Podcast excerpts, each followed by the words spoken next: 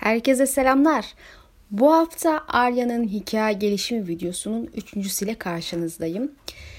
Bir önceki videoda Arya'nın kralın şeridinden kaçışından sonra Yoren liderliğindeki kara kardeşlikte olan yolculuğunda başına gelenleri ve daha yakalandıktan sonra içine girdiği durumu anlatmıştık. Şimdi ise Arya'yı Harrenhal'da buluyoruz.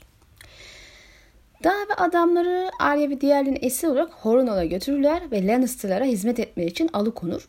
E, bu tarz durumlarda esirin kölelikten bir farkı yoktur zaten. E, biliyorsunuz bundan sonra ailenin bir nevi köle gibi yaşadığını görüyoruz. Sadece ismi yok. İşte dayak yiyor, tehdit ediliyor, karın tokluğuna çalıştırıyor. Kısacası bir köleye nasıl davranılıyorsa o şekilde muamele görüyor esirler. Aile genel olarak her türlü getir götür işleri için kullanılsa da asıl işi temizlik yapmak. Ailenin sorumlu olduğu kısım inleyen kule. Oraya yaşanabilir yer haline gelene kadar temizlemek zorunda. İşte kısaca bizim kız hizmet ediyor ne de olsa Valar Dohares. Herkes hizmet etmeli değil mi? Şimdi Arya'nın her iki yüzsüz adam felsefesini yaşaması onun hikaye gelişimi açısından oldukça dikkate değer bir ayrıntıdır.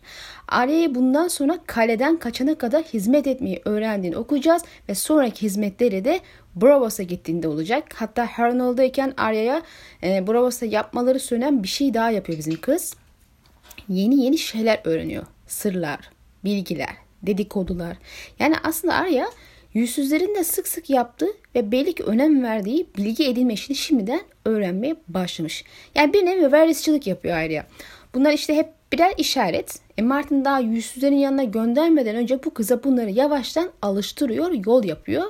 İşte şehirden kaçtığından beri de işte Valar Morgul sözünü yaşıyor, yaşatıyor ve Bravos'ta tam manasıyla öğrenecek. İşte Gendry demirci çırağı olduğu için dökümhanede çalıştığından Aryon'u pek görmese de yemek servis için görevlendirildiği sırada işte Alt, Alturta'yı mutfakta ziyaret edebiliyor. Bunun dışında bu iki olanla pek görüşmüyor. Şimdilik zaten hikaye, ikisinin hikayede bir mühim bir katkısı yok Harun e, macerasında. Şimdi ilk okuduğumuzda genelde pek üstünde durmadığımız küçük bir pasaj var. Bu kısım Arya'nın ruh durumu anlatan küçük bir ayrıntı. Şimdi Birlikte çalıştığı insanların isimlerini bile bilmek istemiyordu.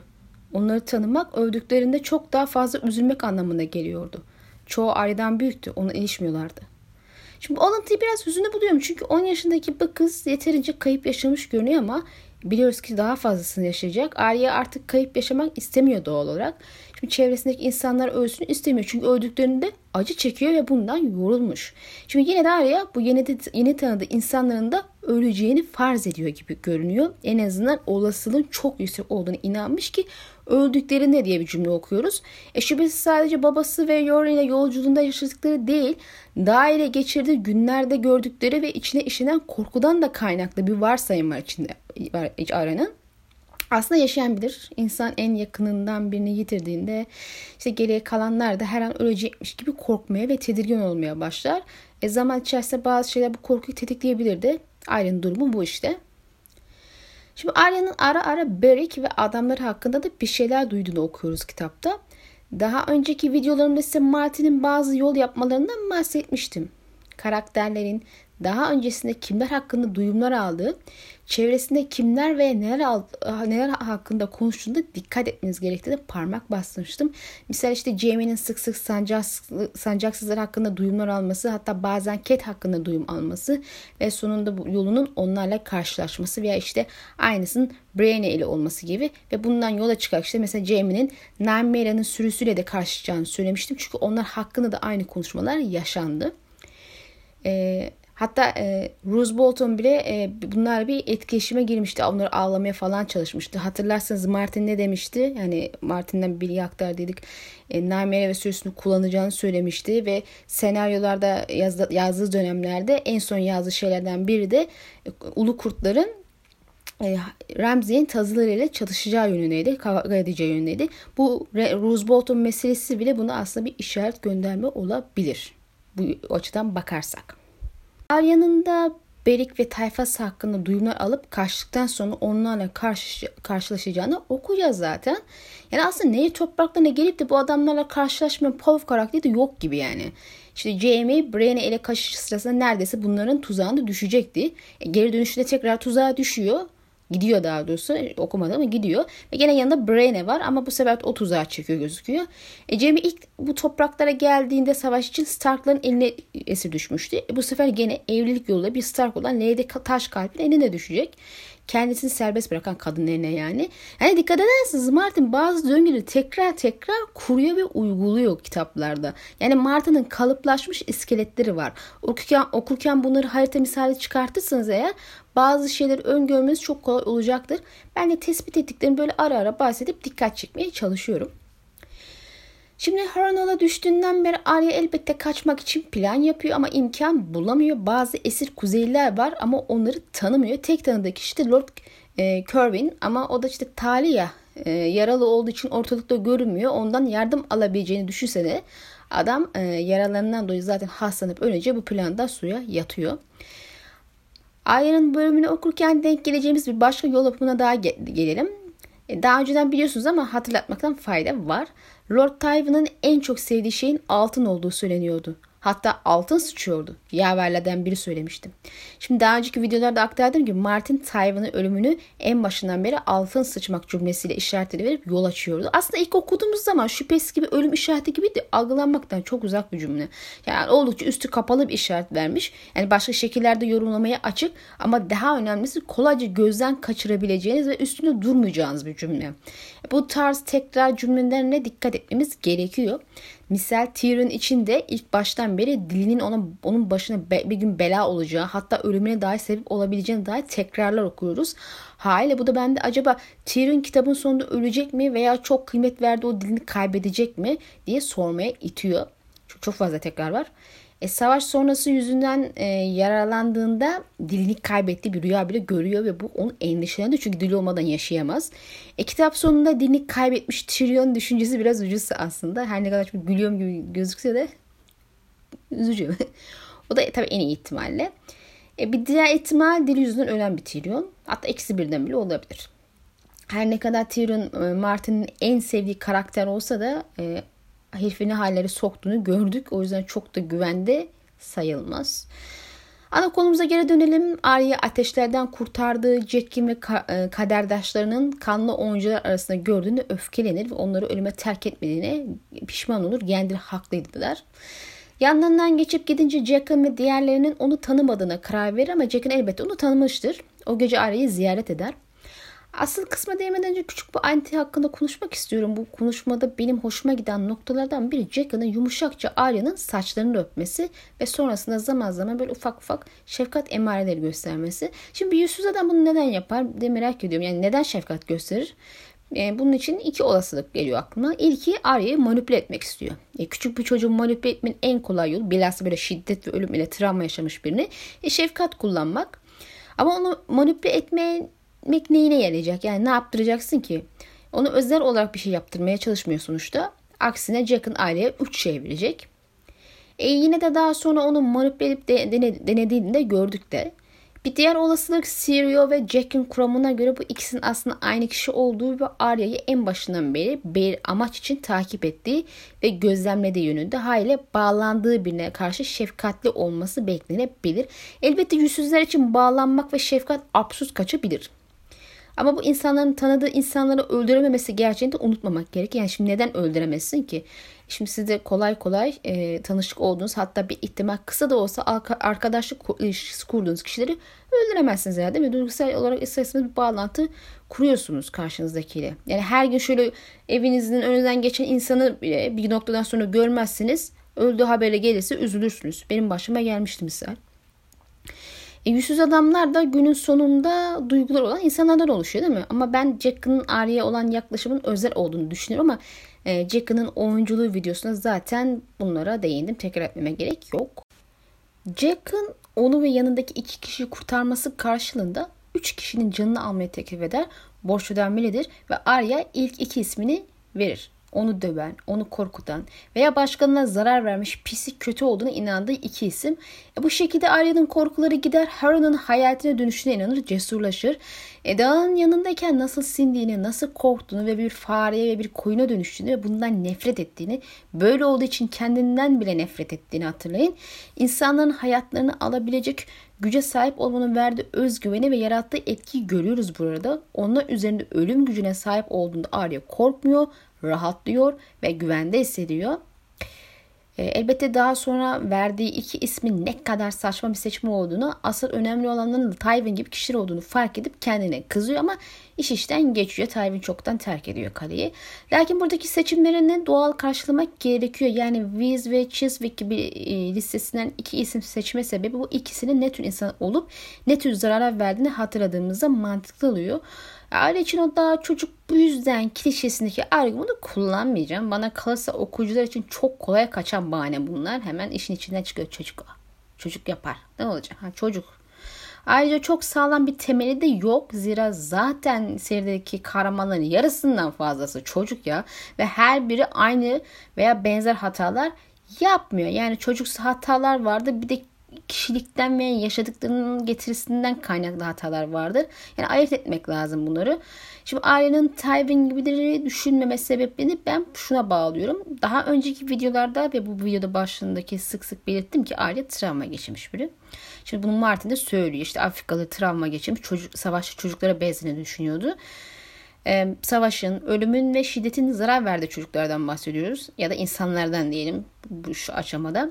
Aile hepsini bir fazlasını deneyimlemiş biri. Bu Viz denen adam bile bu kızı suistimal ediyordu sürekli. İşte böyle kanatana kadar dövüyordu, aşağılıyordu, tehdit ediyordu. Şimdi öyle ki aile adamın kötü düşüncelerini okuyabileceğine gerçekten inanmış halde aklına bir şey gelince korkuyor, çekiniyor, böyle tırsıyor, siniyordu.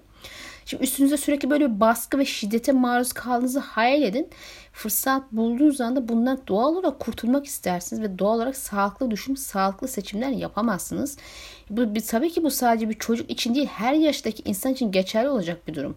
Yani sözlü şiddet bile insana zarar verir. Sessiz pasif şiddet bile zarar verir. Şimdi korku aşılar insana. Bakınız Cat'in John'un üstündeki tüm o olumsuz etkisi o alanda yarattığı korkuya. Yani Arya'nın Tywin'in aklına getirmemesi şaşılacak bir şey değil. Gerçi o asla listesinde olmadı ama mesela Joffrey ve Cersei seçmemesi sebebi olarak da bunları görebiliriz. Ayrıca sadece o an içinde bulunduğu durumdan kurtulmaya odaklandı ailemız. Zaten Tywin'i seçse bile onun ne zaman öleceği her şekilde muammerdi. Çünkü Jack'ın öldürme işini bir sene daha sürebileceğini söylemişti. Yani belli bir zaman olmadı. Sadece ölümün kesin olduğundan bahsediyordu. Şimdi buradan başka bir ayrıntıya geçelim. Büvet ağaçlarının dua eden, işte onun son kullanan kişiyle bir çeşit bağ kurup üzerine üzerindeki o oyulmuş yüzün onların yüz şekline benzer şekil ifadeye büründüğünü düşünen okuyucular var. Misal e, Davos'un Lord Mandarin'in yanına gittiğinde kaledeki yürek ağacını tekrar bir okuyun alıntısını yüzü Lord Mandarin benzer Mandarin'e benzer şekilde böyle şişman ve öfkeliydi. Şimdi sonuçta adam öfkeliydi çünkü kralını ve çocuklarını katletmiş Freyler. E, Freylerden doğal olarak çok nefret ediyor. Ama hayatta kalan son oğlunu geri getirmek için öfkesini yutuyordu. Ve elbette ki Hernal'daki büfet ağacı aynı Arya gibi nefret dolu gözlere sahipti. Arya zaman zaman oraya gidip dua ediyor ve kılıç talimi yapıyordu. Ee, Arya'nın içinde nefretle dolu olduğunu biliyoruz zaten. Sebeplerini de biliyoruz. Arya'nın gördüğü yüz aslında kendi yüzüydü yani bu kurama göre. Kılıcını kemerine takıp daldan dala atlayarak yere indi. Büvet ağacına doğru yürüdü. Ay ışığı ağacın gövdesini gümüşü bir beyaza boyamıştı ama kırmızı yapraklı, yaprakları karanlıkta simsiyah görünüyordu. Ağacın gövdesine oymuş yüze baktı. Korkunç bir surattı. Ağzı çarpıktı. Açık açık gözleri nefret doluydu. Tanrı böyle mi görünüyordu? Tanrılar da insanlar gibi acı çeker miydi? Dua etmeliyim diye düşündü birdenbire. Şimdi ilk iki isimden sonra Jack'ın üçüncü ismi almaya geldiğinde Arya esir edilen 100 kruzeliyi kurtarması için nöbetçileri öldürmesini istiyor ama Arya'nın tek bir hakkı vardır. O da Jack'ına bir oyun yaparak ikna eder. Onun ismini verir ve ismi geri alma karşılığında da Kuzeylileri kurtarmasını ister. O da yapar. Elbette bu sahne baştan aşağı şüpheli konuşmalar ve olaylar silsilesinden oluşuyor. Konuda hakkında daha önce yap, yaptığım e, yorumlar için Jack'ın oyunculuğu videosunu izleyebilirsiniz. Burada tekrarlamayacağım. Özetle Jack'ın tuzağa düşürdüğünü zanneden Arya aslında kendisi oraya geliyor. O kuzeyler zaten kurtulacak ve Jack'ın bunu biliyor. Yani böyle bir konuşmaya gerek yoktu. Daha sonra Jack'ın Bravos'un yüzsüz adam sikkesini verir ve gider. Eğer ona ihtiyacı olursa işte herhangi bir Bravos'luya bu sikkeyi vermesi yeterlidir. Aslında bu da doğru değil çünkü hiçbir Bravos'lu onu Jack'ını götüremez. Çünkü onun nerede olduğunu nasıl bilebilirler. Jack'ın açıkça Arya'nın Bravos'u siyahlar ve beyazlar evine götürülmesini istiyor ve bu sikkeyi alıp o sözleri duyan her Bravos'un onu oraya götüreceğini iyi biliyor. E sonrasında zaten dediğim gibi vazifesi olduğunu söyleyerek yüzünü değiştirip çekip gidiyor. Nereye? İşte Eskişehir'in hislerine ama bu mesele bizim konumuzun dışında elbette ki. Şimdi Arya'nın Huron'un macerası kuzeyleri kurtarıp Lord Bolton hakimiyetine geçtiği zaman bir süre daha devam ediyor. Arya'nın neden Rose'a e, kimliğini söylemediği her zaman bir tartışma konusu olmuştur yıllardır. Görünürde aşikar bir sebep yoktur. Diğer kuzeylere daha sonra söylemeyi düşündüğünde adamlar çoktan beklemeden, çok beklemeden kaleyi terk edip gidiyorlar ama Arya Bolton'a hiç güvenmediği için kimliğini gizli tuttu. Bu bize Arya'nın içgüdünün çok güçlü olduğunu ve babasının ve ablasının aksine kimlere güvenip kimlere güvenmeyeceğini fark edebildiğini gösteriyor. Genci Arya'ya yaptığı şey yüzünden çok kızgındır. Çünkü kuzeylerin Hernal'ı ele geçirdikten sonra öldürülen arasında demirci ustası Lucan, Lucan da var sevdiği ve özünde hiç kimseye zarar olmayan başka kişiler de var. E dahası kanlı oyuncuların yaptıkları bir yağma gibi saldırılar da Lannister'ın yaptıklarından daha kötü değil ya da daha iyi değil. Dahası paralı askerler lorduna hizmet eden askerlerden daha kötü işler yapan insanlardır. Daha iyi olmamıştır yani Hernal. Araya göre kuzeyleri kurtarırken e, ölen askerler ve Amarylork ölmeyi hak etmişti ama asker dışında öldürülenler Arya'yı böyle çok rahatsız etmişti. Görünmüyor sanki. Böyle çok vicdan yapmışa benzemiyor.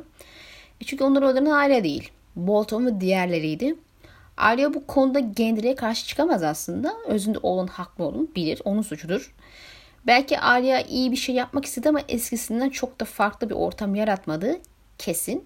Gerçi ailenin amacı sadece kuzeyleri kurtarmak ve Lannister'ları def etmek de içinde bulunduğu bu savaşın kuzey tarafı olarak düşmanlarını yenmekti. Lakin olay bize güzel bir ders de veriyor. Stark yahut Lannister tarafında yer almak, iyi kötü tarafında yer almak demek değil. İki tarafta iyi ve kötü şeyler yapıyor. Dahası savaşta sıkıntı çeken hep halk oluyor. Daha önce bahsetmiştim bunlardan zaten. Ezra daha önce Lannister'a altın karşı bilgi verenler şimdi hain ilan edip öldürülüyorlar. Oysa halk bunun özünde hayatta kalmak için yapıyordu. Ve iki tarafında öyle çiçekler veren, çiçekler dağıtan insanlar olmadı. Aşikar. Gendry kızgındı. Çünkü Lucan'ı seviyordu. Arya bunu biliyordu. Ama Gendry'nin tavrı adil değildi yine de. Çelik kanca Walton'un marifeti diye savundu kendini ve oyuncuların Lord Bolton'un. Bize, bize kim onlara verdi peki? Sen ve gelincik çorban. Arya delikanlının koluna vurdu. Sadece sıcak çorbaydı. Sen de Sir Amer'den nefret ediyordun. Bu sürüden daha çok nefret ediyorum. Sir Amer Lord'u için çalışıyordu ama oyuncular sadece paralı askerler ve dönekler. Yarısından çoğu ortak dili konuşamıyor bile. Rahip Ut küçük olanlardan hoşlanıyor. Kyburn kara büyü yapıyor ve dostun ısırgan insan yiyor. En kötüsü Arya Gender'in haksız olduğunu bile söyleyemezdi. Harunal'a yiyecek temin etmek için yapılan yağmaların çoğu cesur dostların işiydi ve Rose Bolton Lannister'ları yok etme görevini de onlara vermişti. Vargohot mümkün olduğunca fazla kasabaya basabilmek için adamlarını dört gruba ayırmıştı. En büyük grubu kendisi komuta ediyordu ve diğerlerini en güvenli kumandanların emrine vermişti. Şimdi Bolton kralın emriyle Daryl'in kalesini yakıp yakılıp esirin idam edilmesi konusunda mektup gönderir. Gerçi bu Rob'un adını kullanarak Bolton'un verdiği emirlerden biri olabilir fark etmiyor. Arya'nın tepkisi ise memnuniyet verici, onaylayıcı olur. Arya'nın kötü kabul ettiği kişiler ölmeyi hak eden kişilerdir. Bu kısım çoğu zaman gerçekten kötü şeyler yapmış kişileri kapsamasına rağmen sadece kötü anıların kaynağı hatırlatıcısı olan ve düşman kabul ettiği kişilerle bir bağı olduğu düşündüğü doğrudan Arya'ya zarar vermiş olsa bile bazı kişilerin kişilerin de onu hak eden listesine girebileceğini gösteriyor bu olay. Yani aslında Arya'nın intikam duygusu her zaman çok da adaletli olmayabiliyor. Kötü kabul ettiği herkes aslında o kadar da kötü olmayabilir.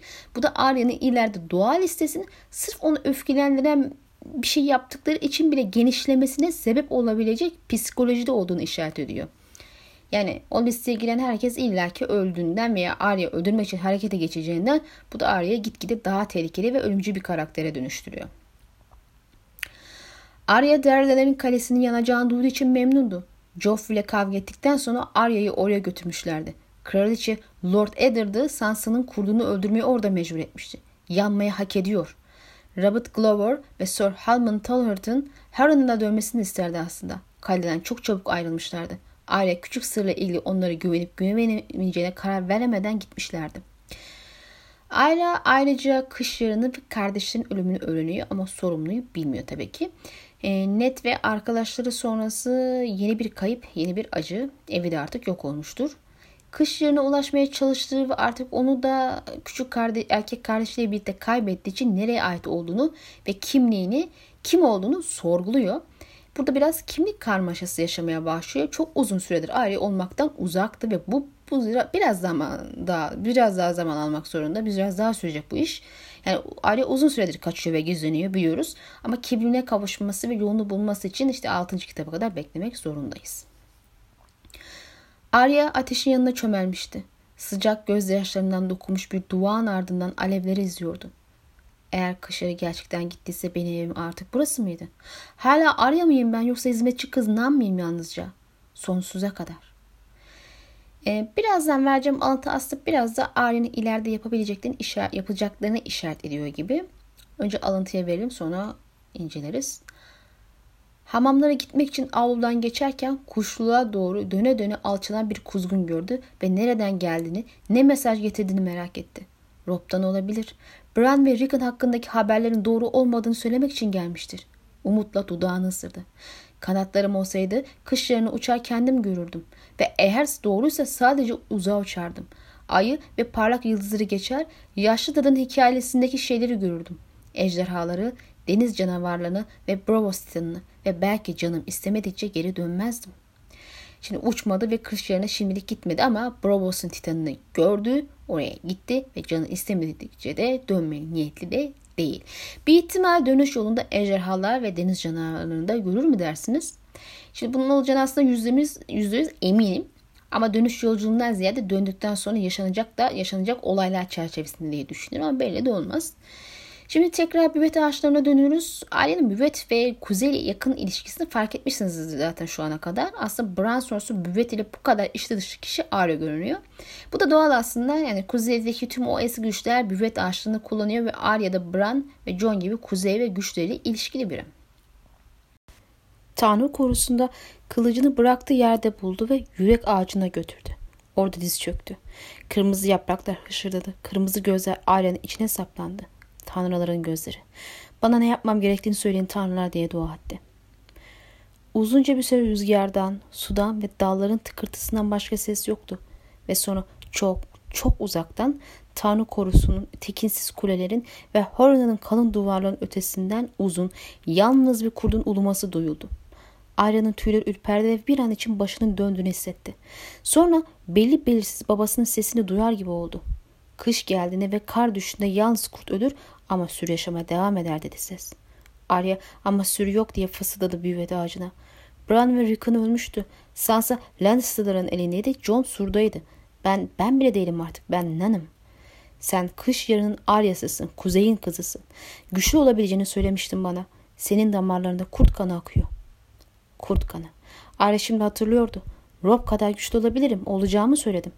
Derin bir nefes aldı. Sonra süpürge sapını iki elle birden kaldırıp dizine indirdi. Sopa büyük bir çatırtıyla kırıldı. Parçalarını kenara fırlattı Arya. Ben bir ulu kurdum ve tahta dişlerle işim kalmadı. O gece dar yatağında kaşıntı veren samanların üstünde yaşayanların ve ölülerin fısıltılı tartışmalarını dinleyerek ayın doğmasını bekledi.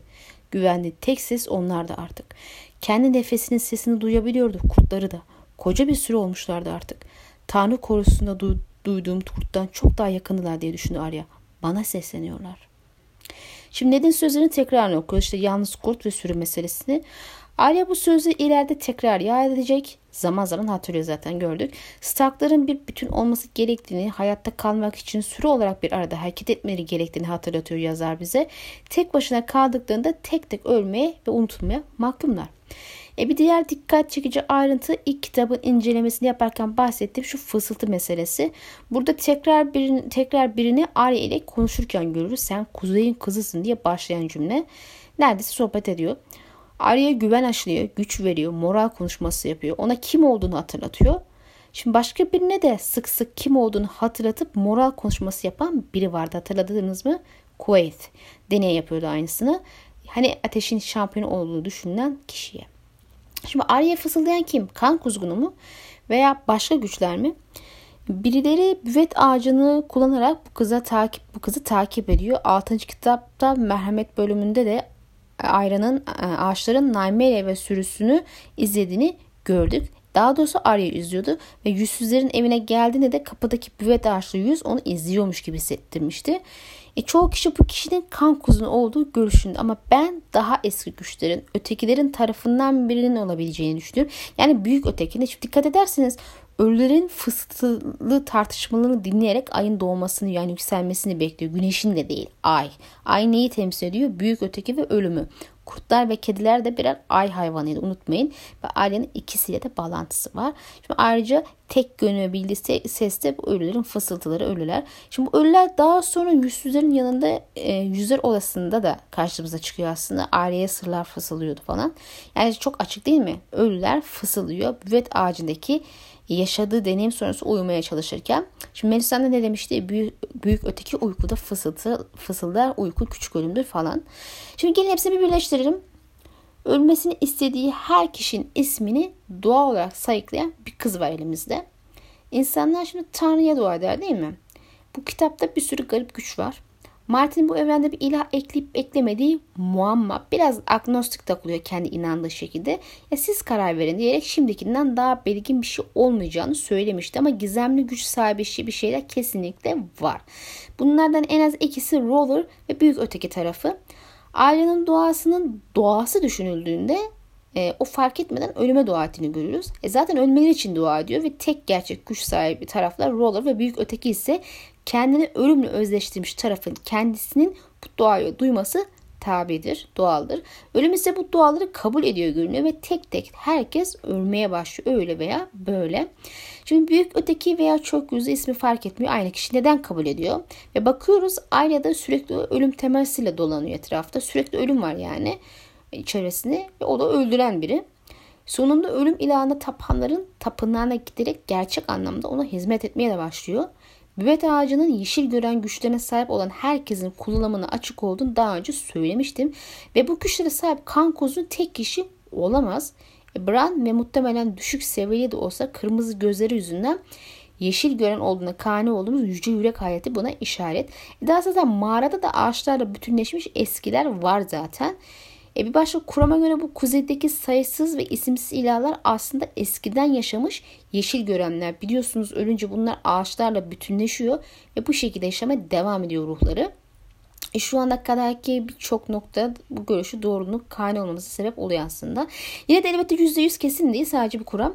E, netice itibariyle büvet ağacıyla e, onunla konuşan e, ona moral veren, güç veren, onu takip eden ve onu fısıldayan, ölülerin fısıltısı tartışmalarını dinleten bir güçten bahsediyoruz. Ve Ay, Su ve Bravos kısacası yin temsilci olan orta, temsilcisi olarak ortada gezen Ay'dan bahsediyoruz.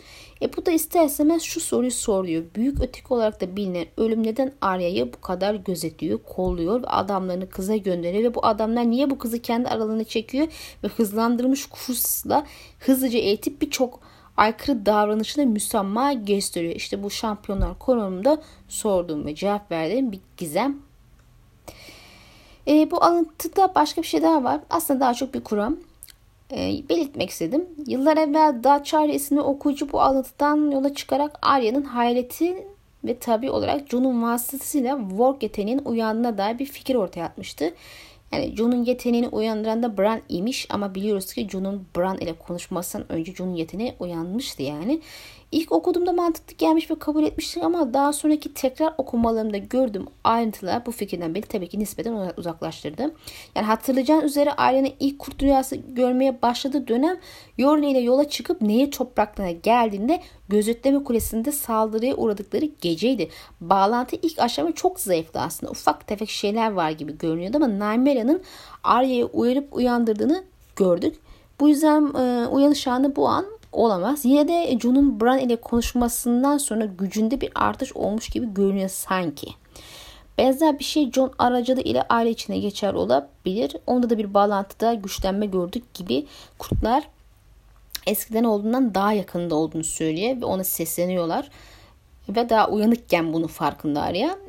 Aslında burada mesele kurtların birbiriyle olan ve doğal olarak sahipli olan bağlantılarında birbirinin hissedebildiğini unutmamak lazım. Şimdi Kur'an sahibinin bunu düşünmesinin sebebi yani hayalet vasıtasıyla uyandığı güçleri falan meselesi. John'un Buran ile konuştuğu kurt dünyasında yazılan ilk cümleler ile Arya'nın buradaki sahnesindeki cümlelerin çok yakın benzer kelime seçimlerinin oluşması ve ikisi de ikinci kitapta oluyor. Ve ben Hayran'ın hazırladığı zaman çizelgesine bakınca aynı ay içerisinde gerçekleştiğini gördüm 9. ayda. Şimdi kitaptaki povların sıralamasında da ilk John'un işte bu Bran konuşması geliyor ve sonraki ilk Arya povunda da Arya'nın bu deneyimi gerçekleşiyor. Yani her şekilde aynı dönem içerisinde meydana gelen yakın dönemlerde meydana gelen bir olay bu. Şimdi önce bir John'un anlatısını verelim. Karşılaştırma öyle yapalım. Hatırlayalım John'u. Gözlerini kapadığında rüyasında ulu kurtları gördü. Altı tane olmaları gerekirdi ama beş taneydiler. Hepsi birbirinden ayrı yerlerde. Derin bir boşluk sancısı ve yarım kalmış hislik, kalmışlık hissi duydu. Or, orman uçsuz bucaksız soğuktu ve onlar çok küçüktüler. Kaybolmuşlardı. Kardeşleri oralarda bir yerde olmalıydı ama hepsinin kokusunu kaybetmişti. Arka ayakların üstüne oturup başını kar- kararmaya başlayan gökyüzüne kaldırdı. Haykırışı orman boyunca yankılandı. Uzun, yalnız ve yas dolu bir çığlık. Sesi silinip giderken kulaklarını dikti. Bir cevap almak için dinliyordu ama duyduğu tek şey savrulan karların iç çekişiydi. Şimdi burada hayretin uzun, yalnız ve kederli yaz dolu şekilde uluma sesi orman boyunca yankılanıyor. Aileden alıntısına dönersek ve sonra çok çok uzaktan Tanrı korusunu tekinsiz kulelerin ve Hurl'ın kalın duvarların ötesinde uzun, yalnız bir kurdun uluması duydu şeklinde de devam ediyor. Yani Arya çok ama çok uzaklardan uzun, yalnız bir kurt uluması duyuyor. Yani ta kuzeyden kuzeyin ötesinde, surun ötesinde hayaleti duyuyor. E şimdi kelime seçimi birebir aynı olmuş gözüküyor. Hayalet uzun ve yalnız keder bir şekilde uluyor ve Arya uzun, yalnız bir kurt uluması duyuyor. Şimdi bir de Arya'nın alıntısının başında büvet ağacının kırmızı gözlerine dikkat çekiliyor. Kırmızı gözler akla ilk hayaletin gözlerine getiriyor. Biliyoruz ki John 3. kitapta hayaletin beyaz ve kırmızı gözler yüzünden büvet ağacının renklerine benzetmişti onu. İşte Kur'an bunlara dayanıyor. Elbette duyduğu kişi Kurt Naimeria olabilir ve yalnızlık çeken bir uluma sesi aslında Arya'nın içindekini hisseden Naimeria'nın bunu dışarı yansıtması olabilir. Şimdi unutmamak lazım ki öncesinde kardeşlerin öldüğünü, evinin yandığını, yok olduğunu öğreniyor ve bir kimlik bulanımı yaşıyor. Nereye ait olduğunu sorguluyordu ve sonra bu sayede yalnız kurt ölür sözünü hatırlıyor. Benim şahsi fikrim bu yorum az önce anlattığım kuramdan daha akla yatkın ve makul geliyor. Ama sonuçta Martin bu belki iki manalı bir sahnede yazmış olabilir. Yani en azından bu kuramın dikkat çekilen noktalarının e, düşündürücü ve göz ardı edilemeyecek şekilde sıralanmış olaylar olduğunu e, söyleyebilirim tabii. Buna da şerh düşmüş olayım.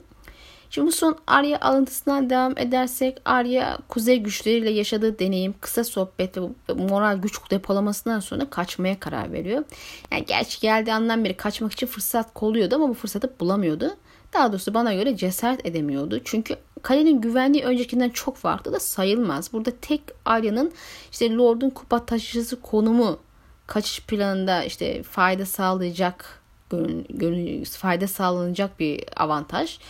İşte o da atları ve benzer şeyleri elde etmek için. Yani tabii ki şüphesiz göz ardı edilemeyecek bir fayda. Çünkü hemen arkasında kanlı oyuncuları, oyuncular peşlerine düşüyor. Yani kaçamazsınız onlardan. E yine de buna cesaret etmeye şu an karar vermesinin bu bahsettiğim deneyim olduğunu düşünüyorum. Bir anda karar veriyor, harekete geçiyor. E, Gendry'i ve Alturto'ya zarar görecekleri yalanıyla kandırıyor ve peşine takıyor.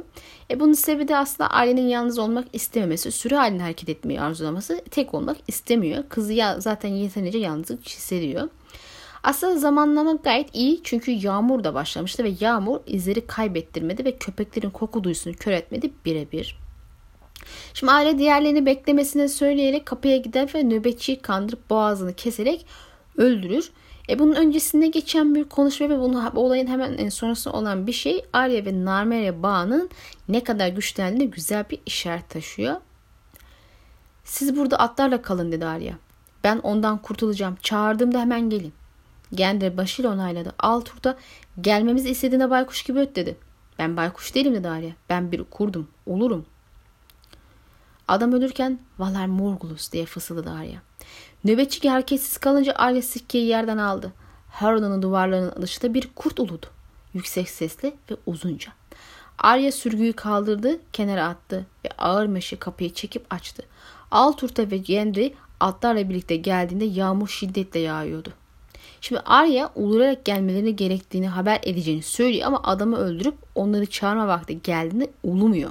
Narmeria uluyor ve onlar da Arya'nın uluyup çağırdığını zannederek geliyorlar. Şimdi Arya ilk aşama uykuda bağlantılı gibi görünüyordu kurtlarla ama şimdi uyanıkken bile Naimere ile etkin bir bağlantısı var. Kurt karşılık veriyor. Hem de yanı başında olmamasına rağmen var bu bağlantı. Ve bu bağlantı o kadar güçlü hale gelecek ki ileride Arya Bravos'a gidip Arya'ya denizler ve kıta girdiğinde bile bu kurt rüyaları sürmeye devam edecek. Narmeria Arya'nın istediği gibi hareket edecek. Sanırım videoyu sonlandırmak için iyi bir yer. Burada ikinci kitabımız da sonlanıyor çünkü. Bir sonraki videoda Kılıçların Fırtınası ile e, Arya'nın kanlı oyunculardan kaçışı, sancaksızlarla ve Sandro ile buluşması, kırmızı düğün ve ötesini konuşacağız. Umarım videomuzu beğenmişsinizdir. Bir sonrakinde görüşmek dileğiyle Allah'a emanet olun.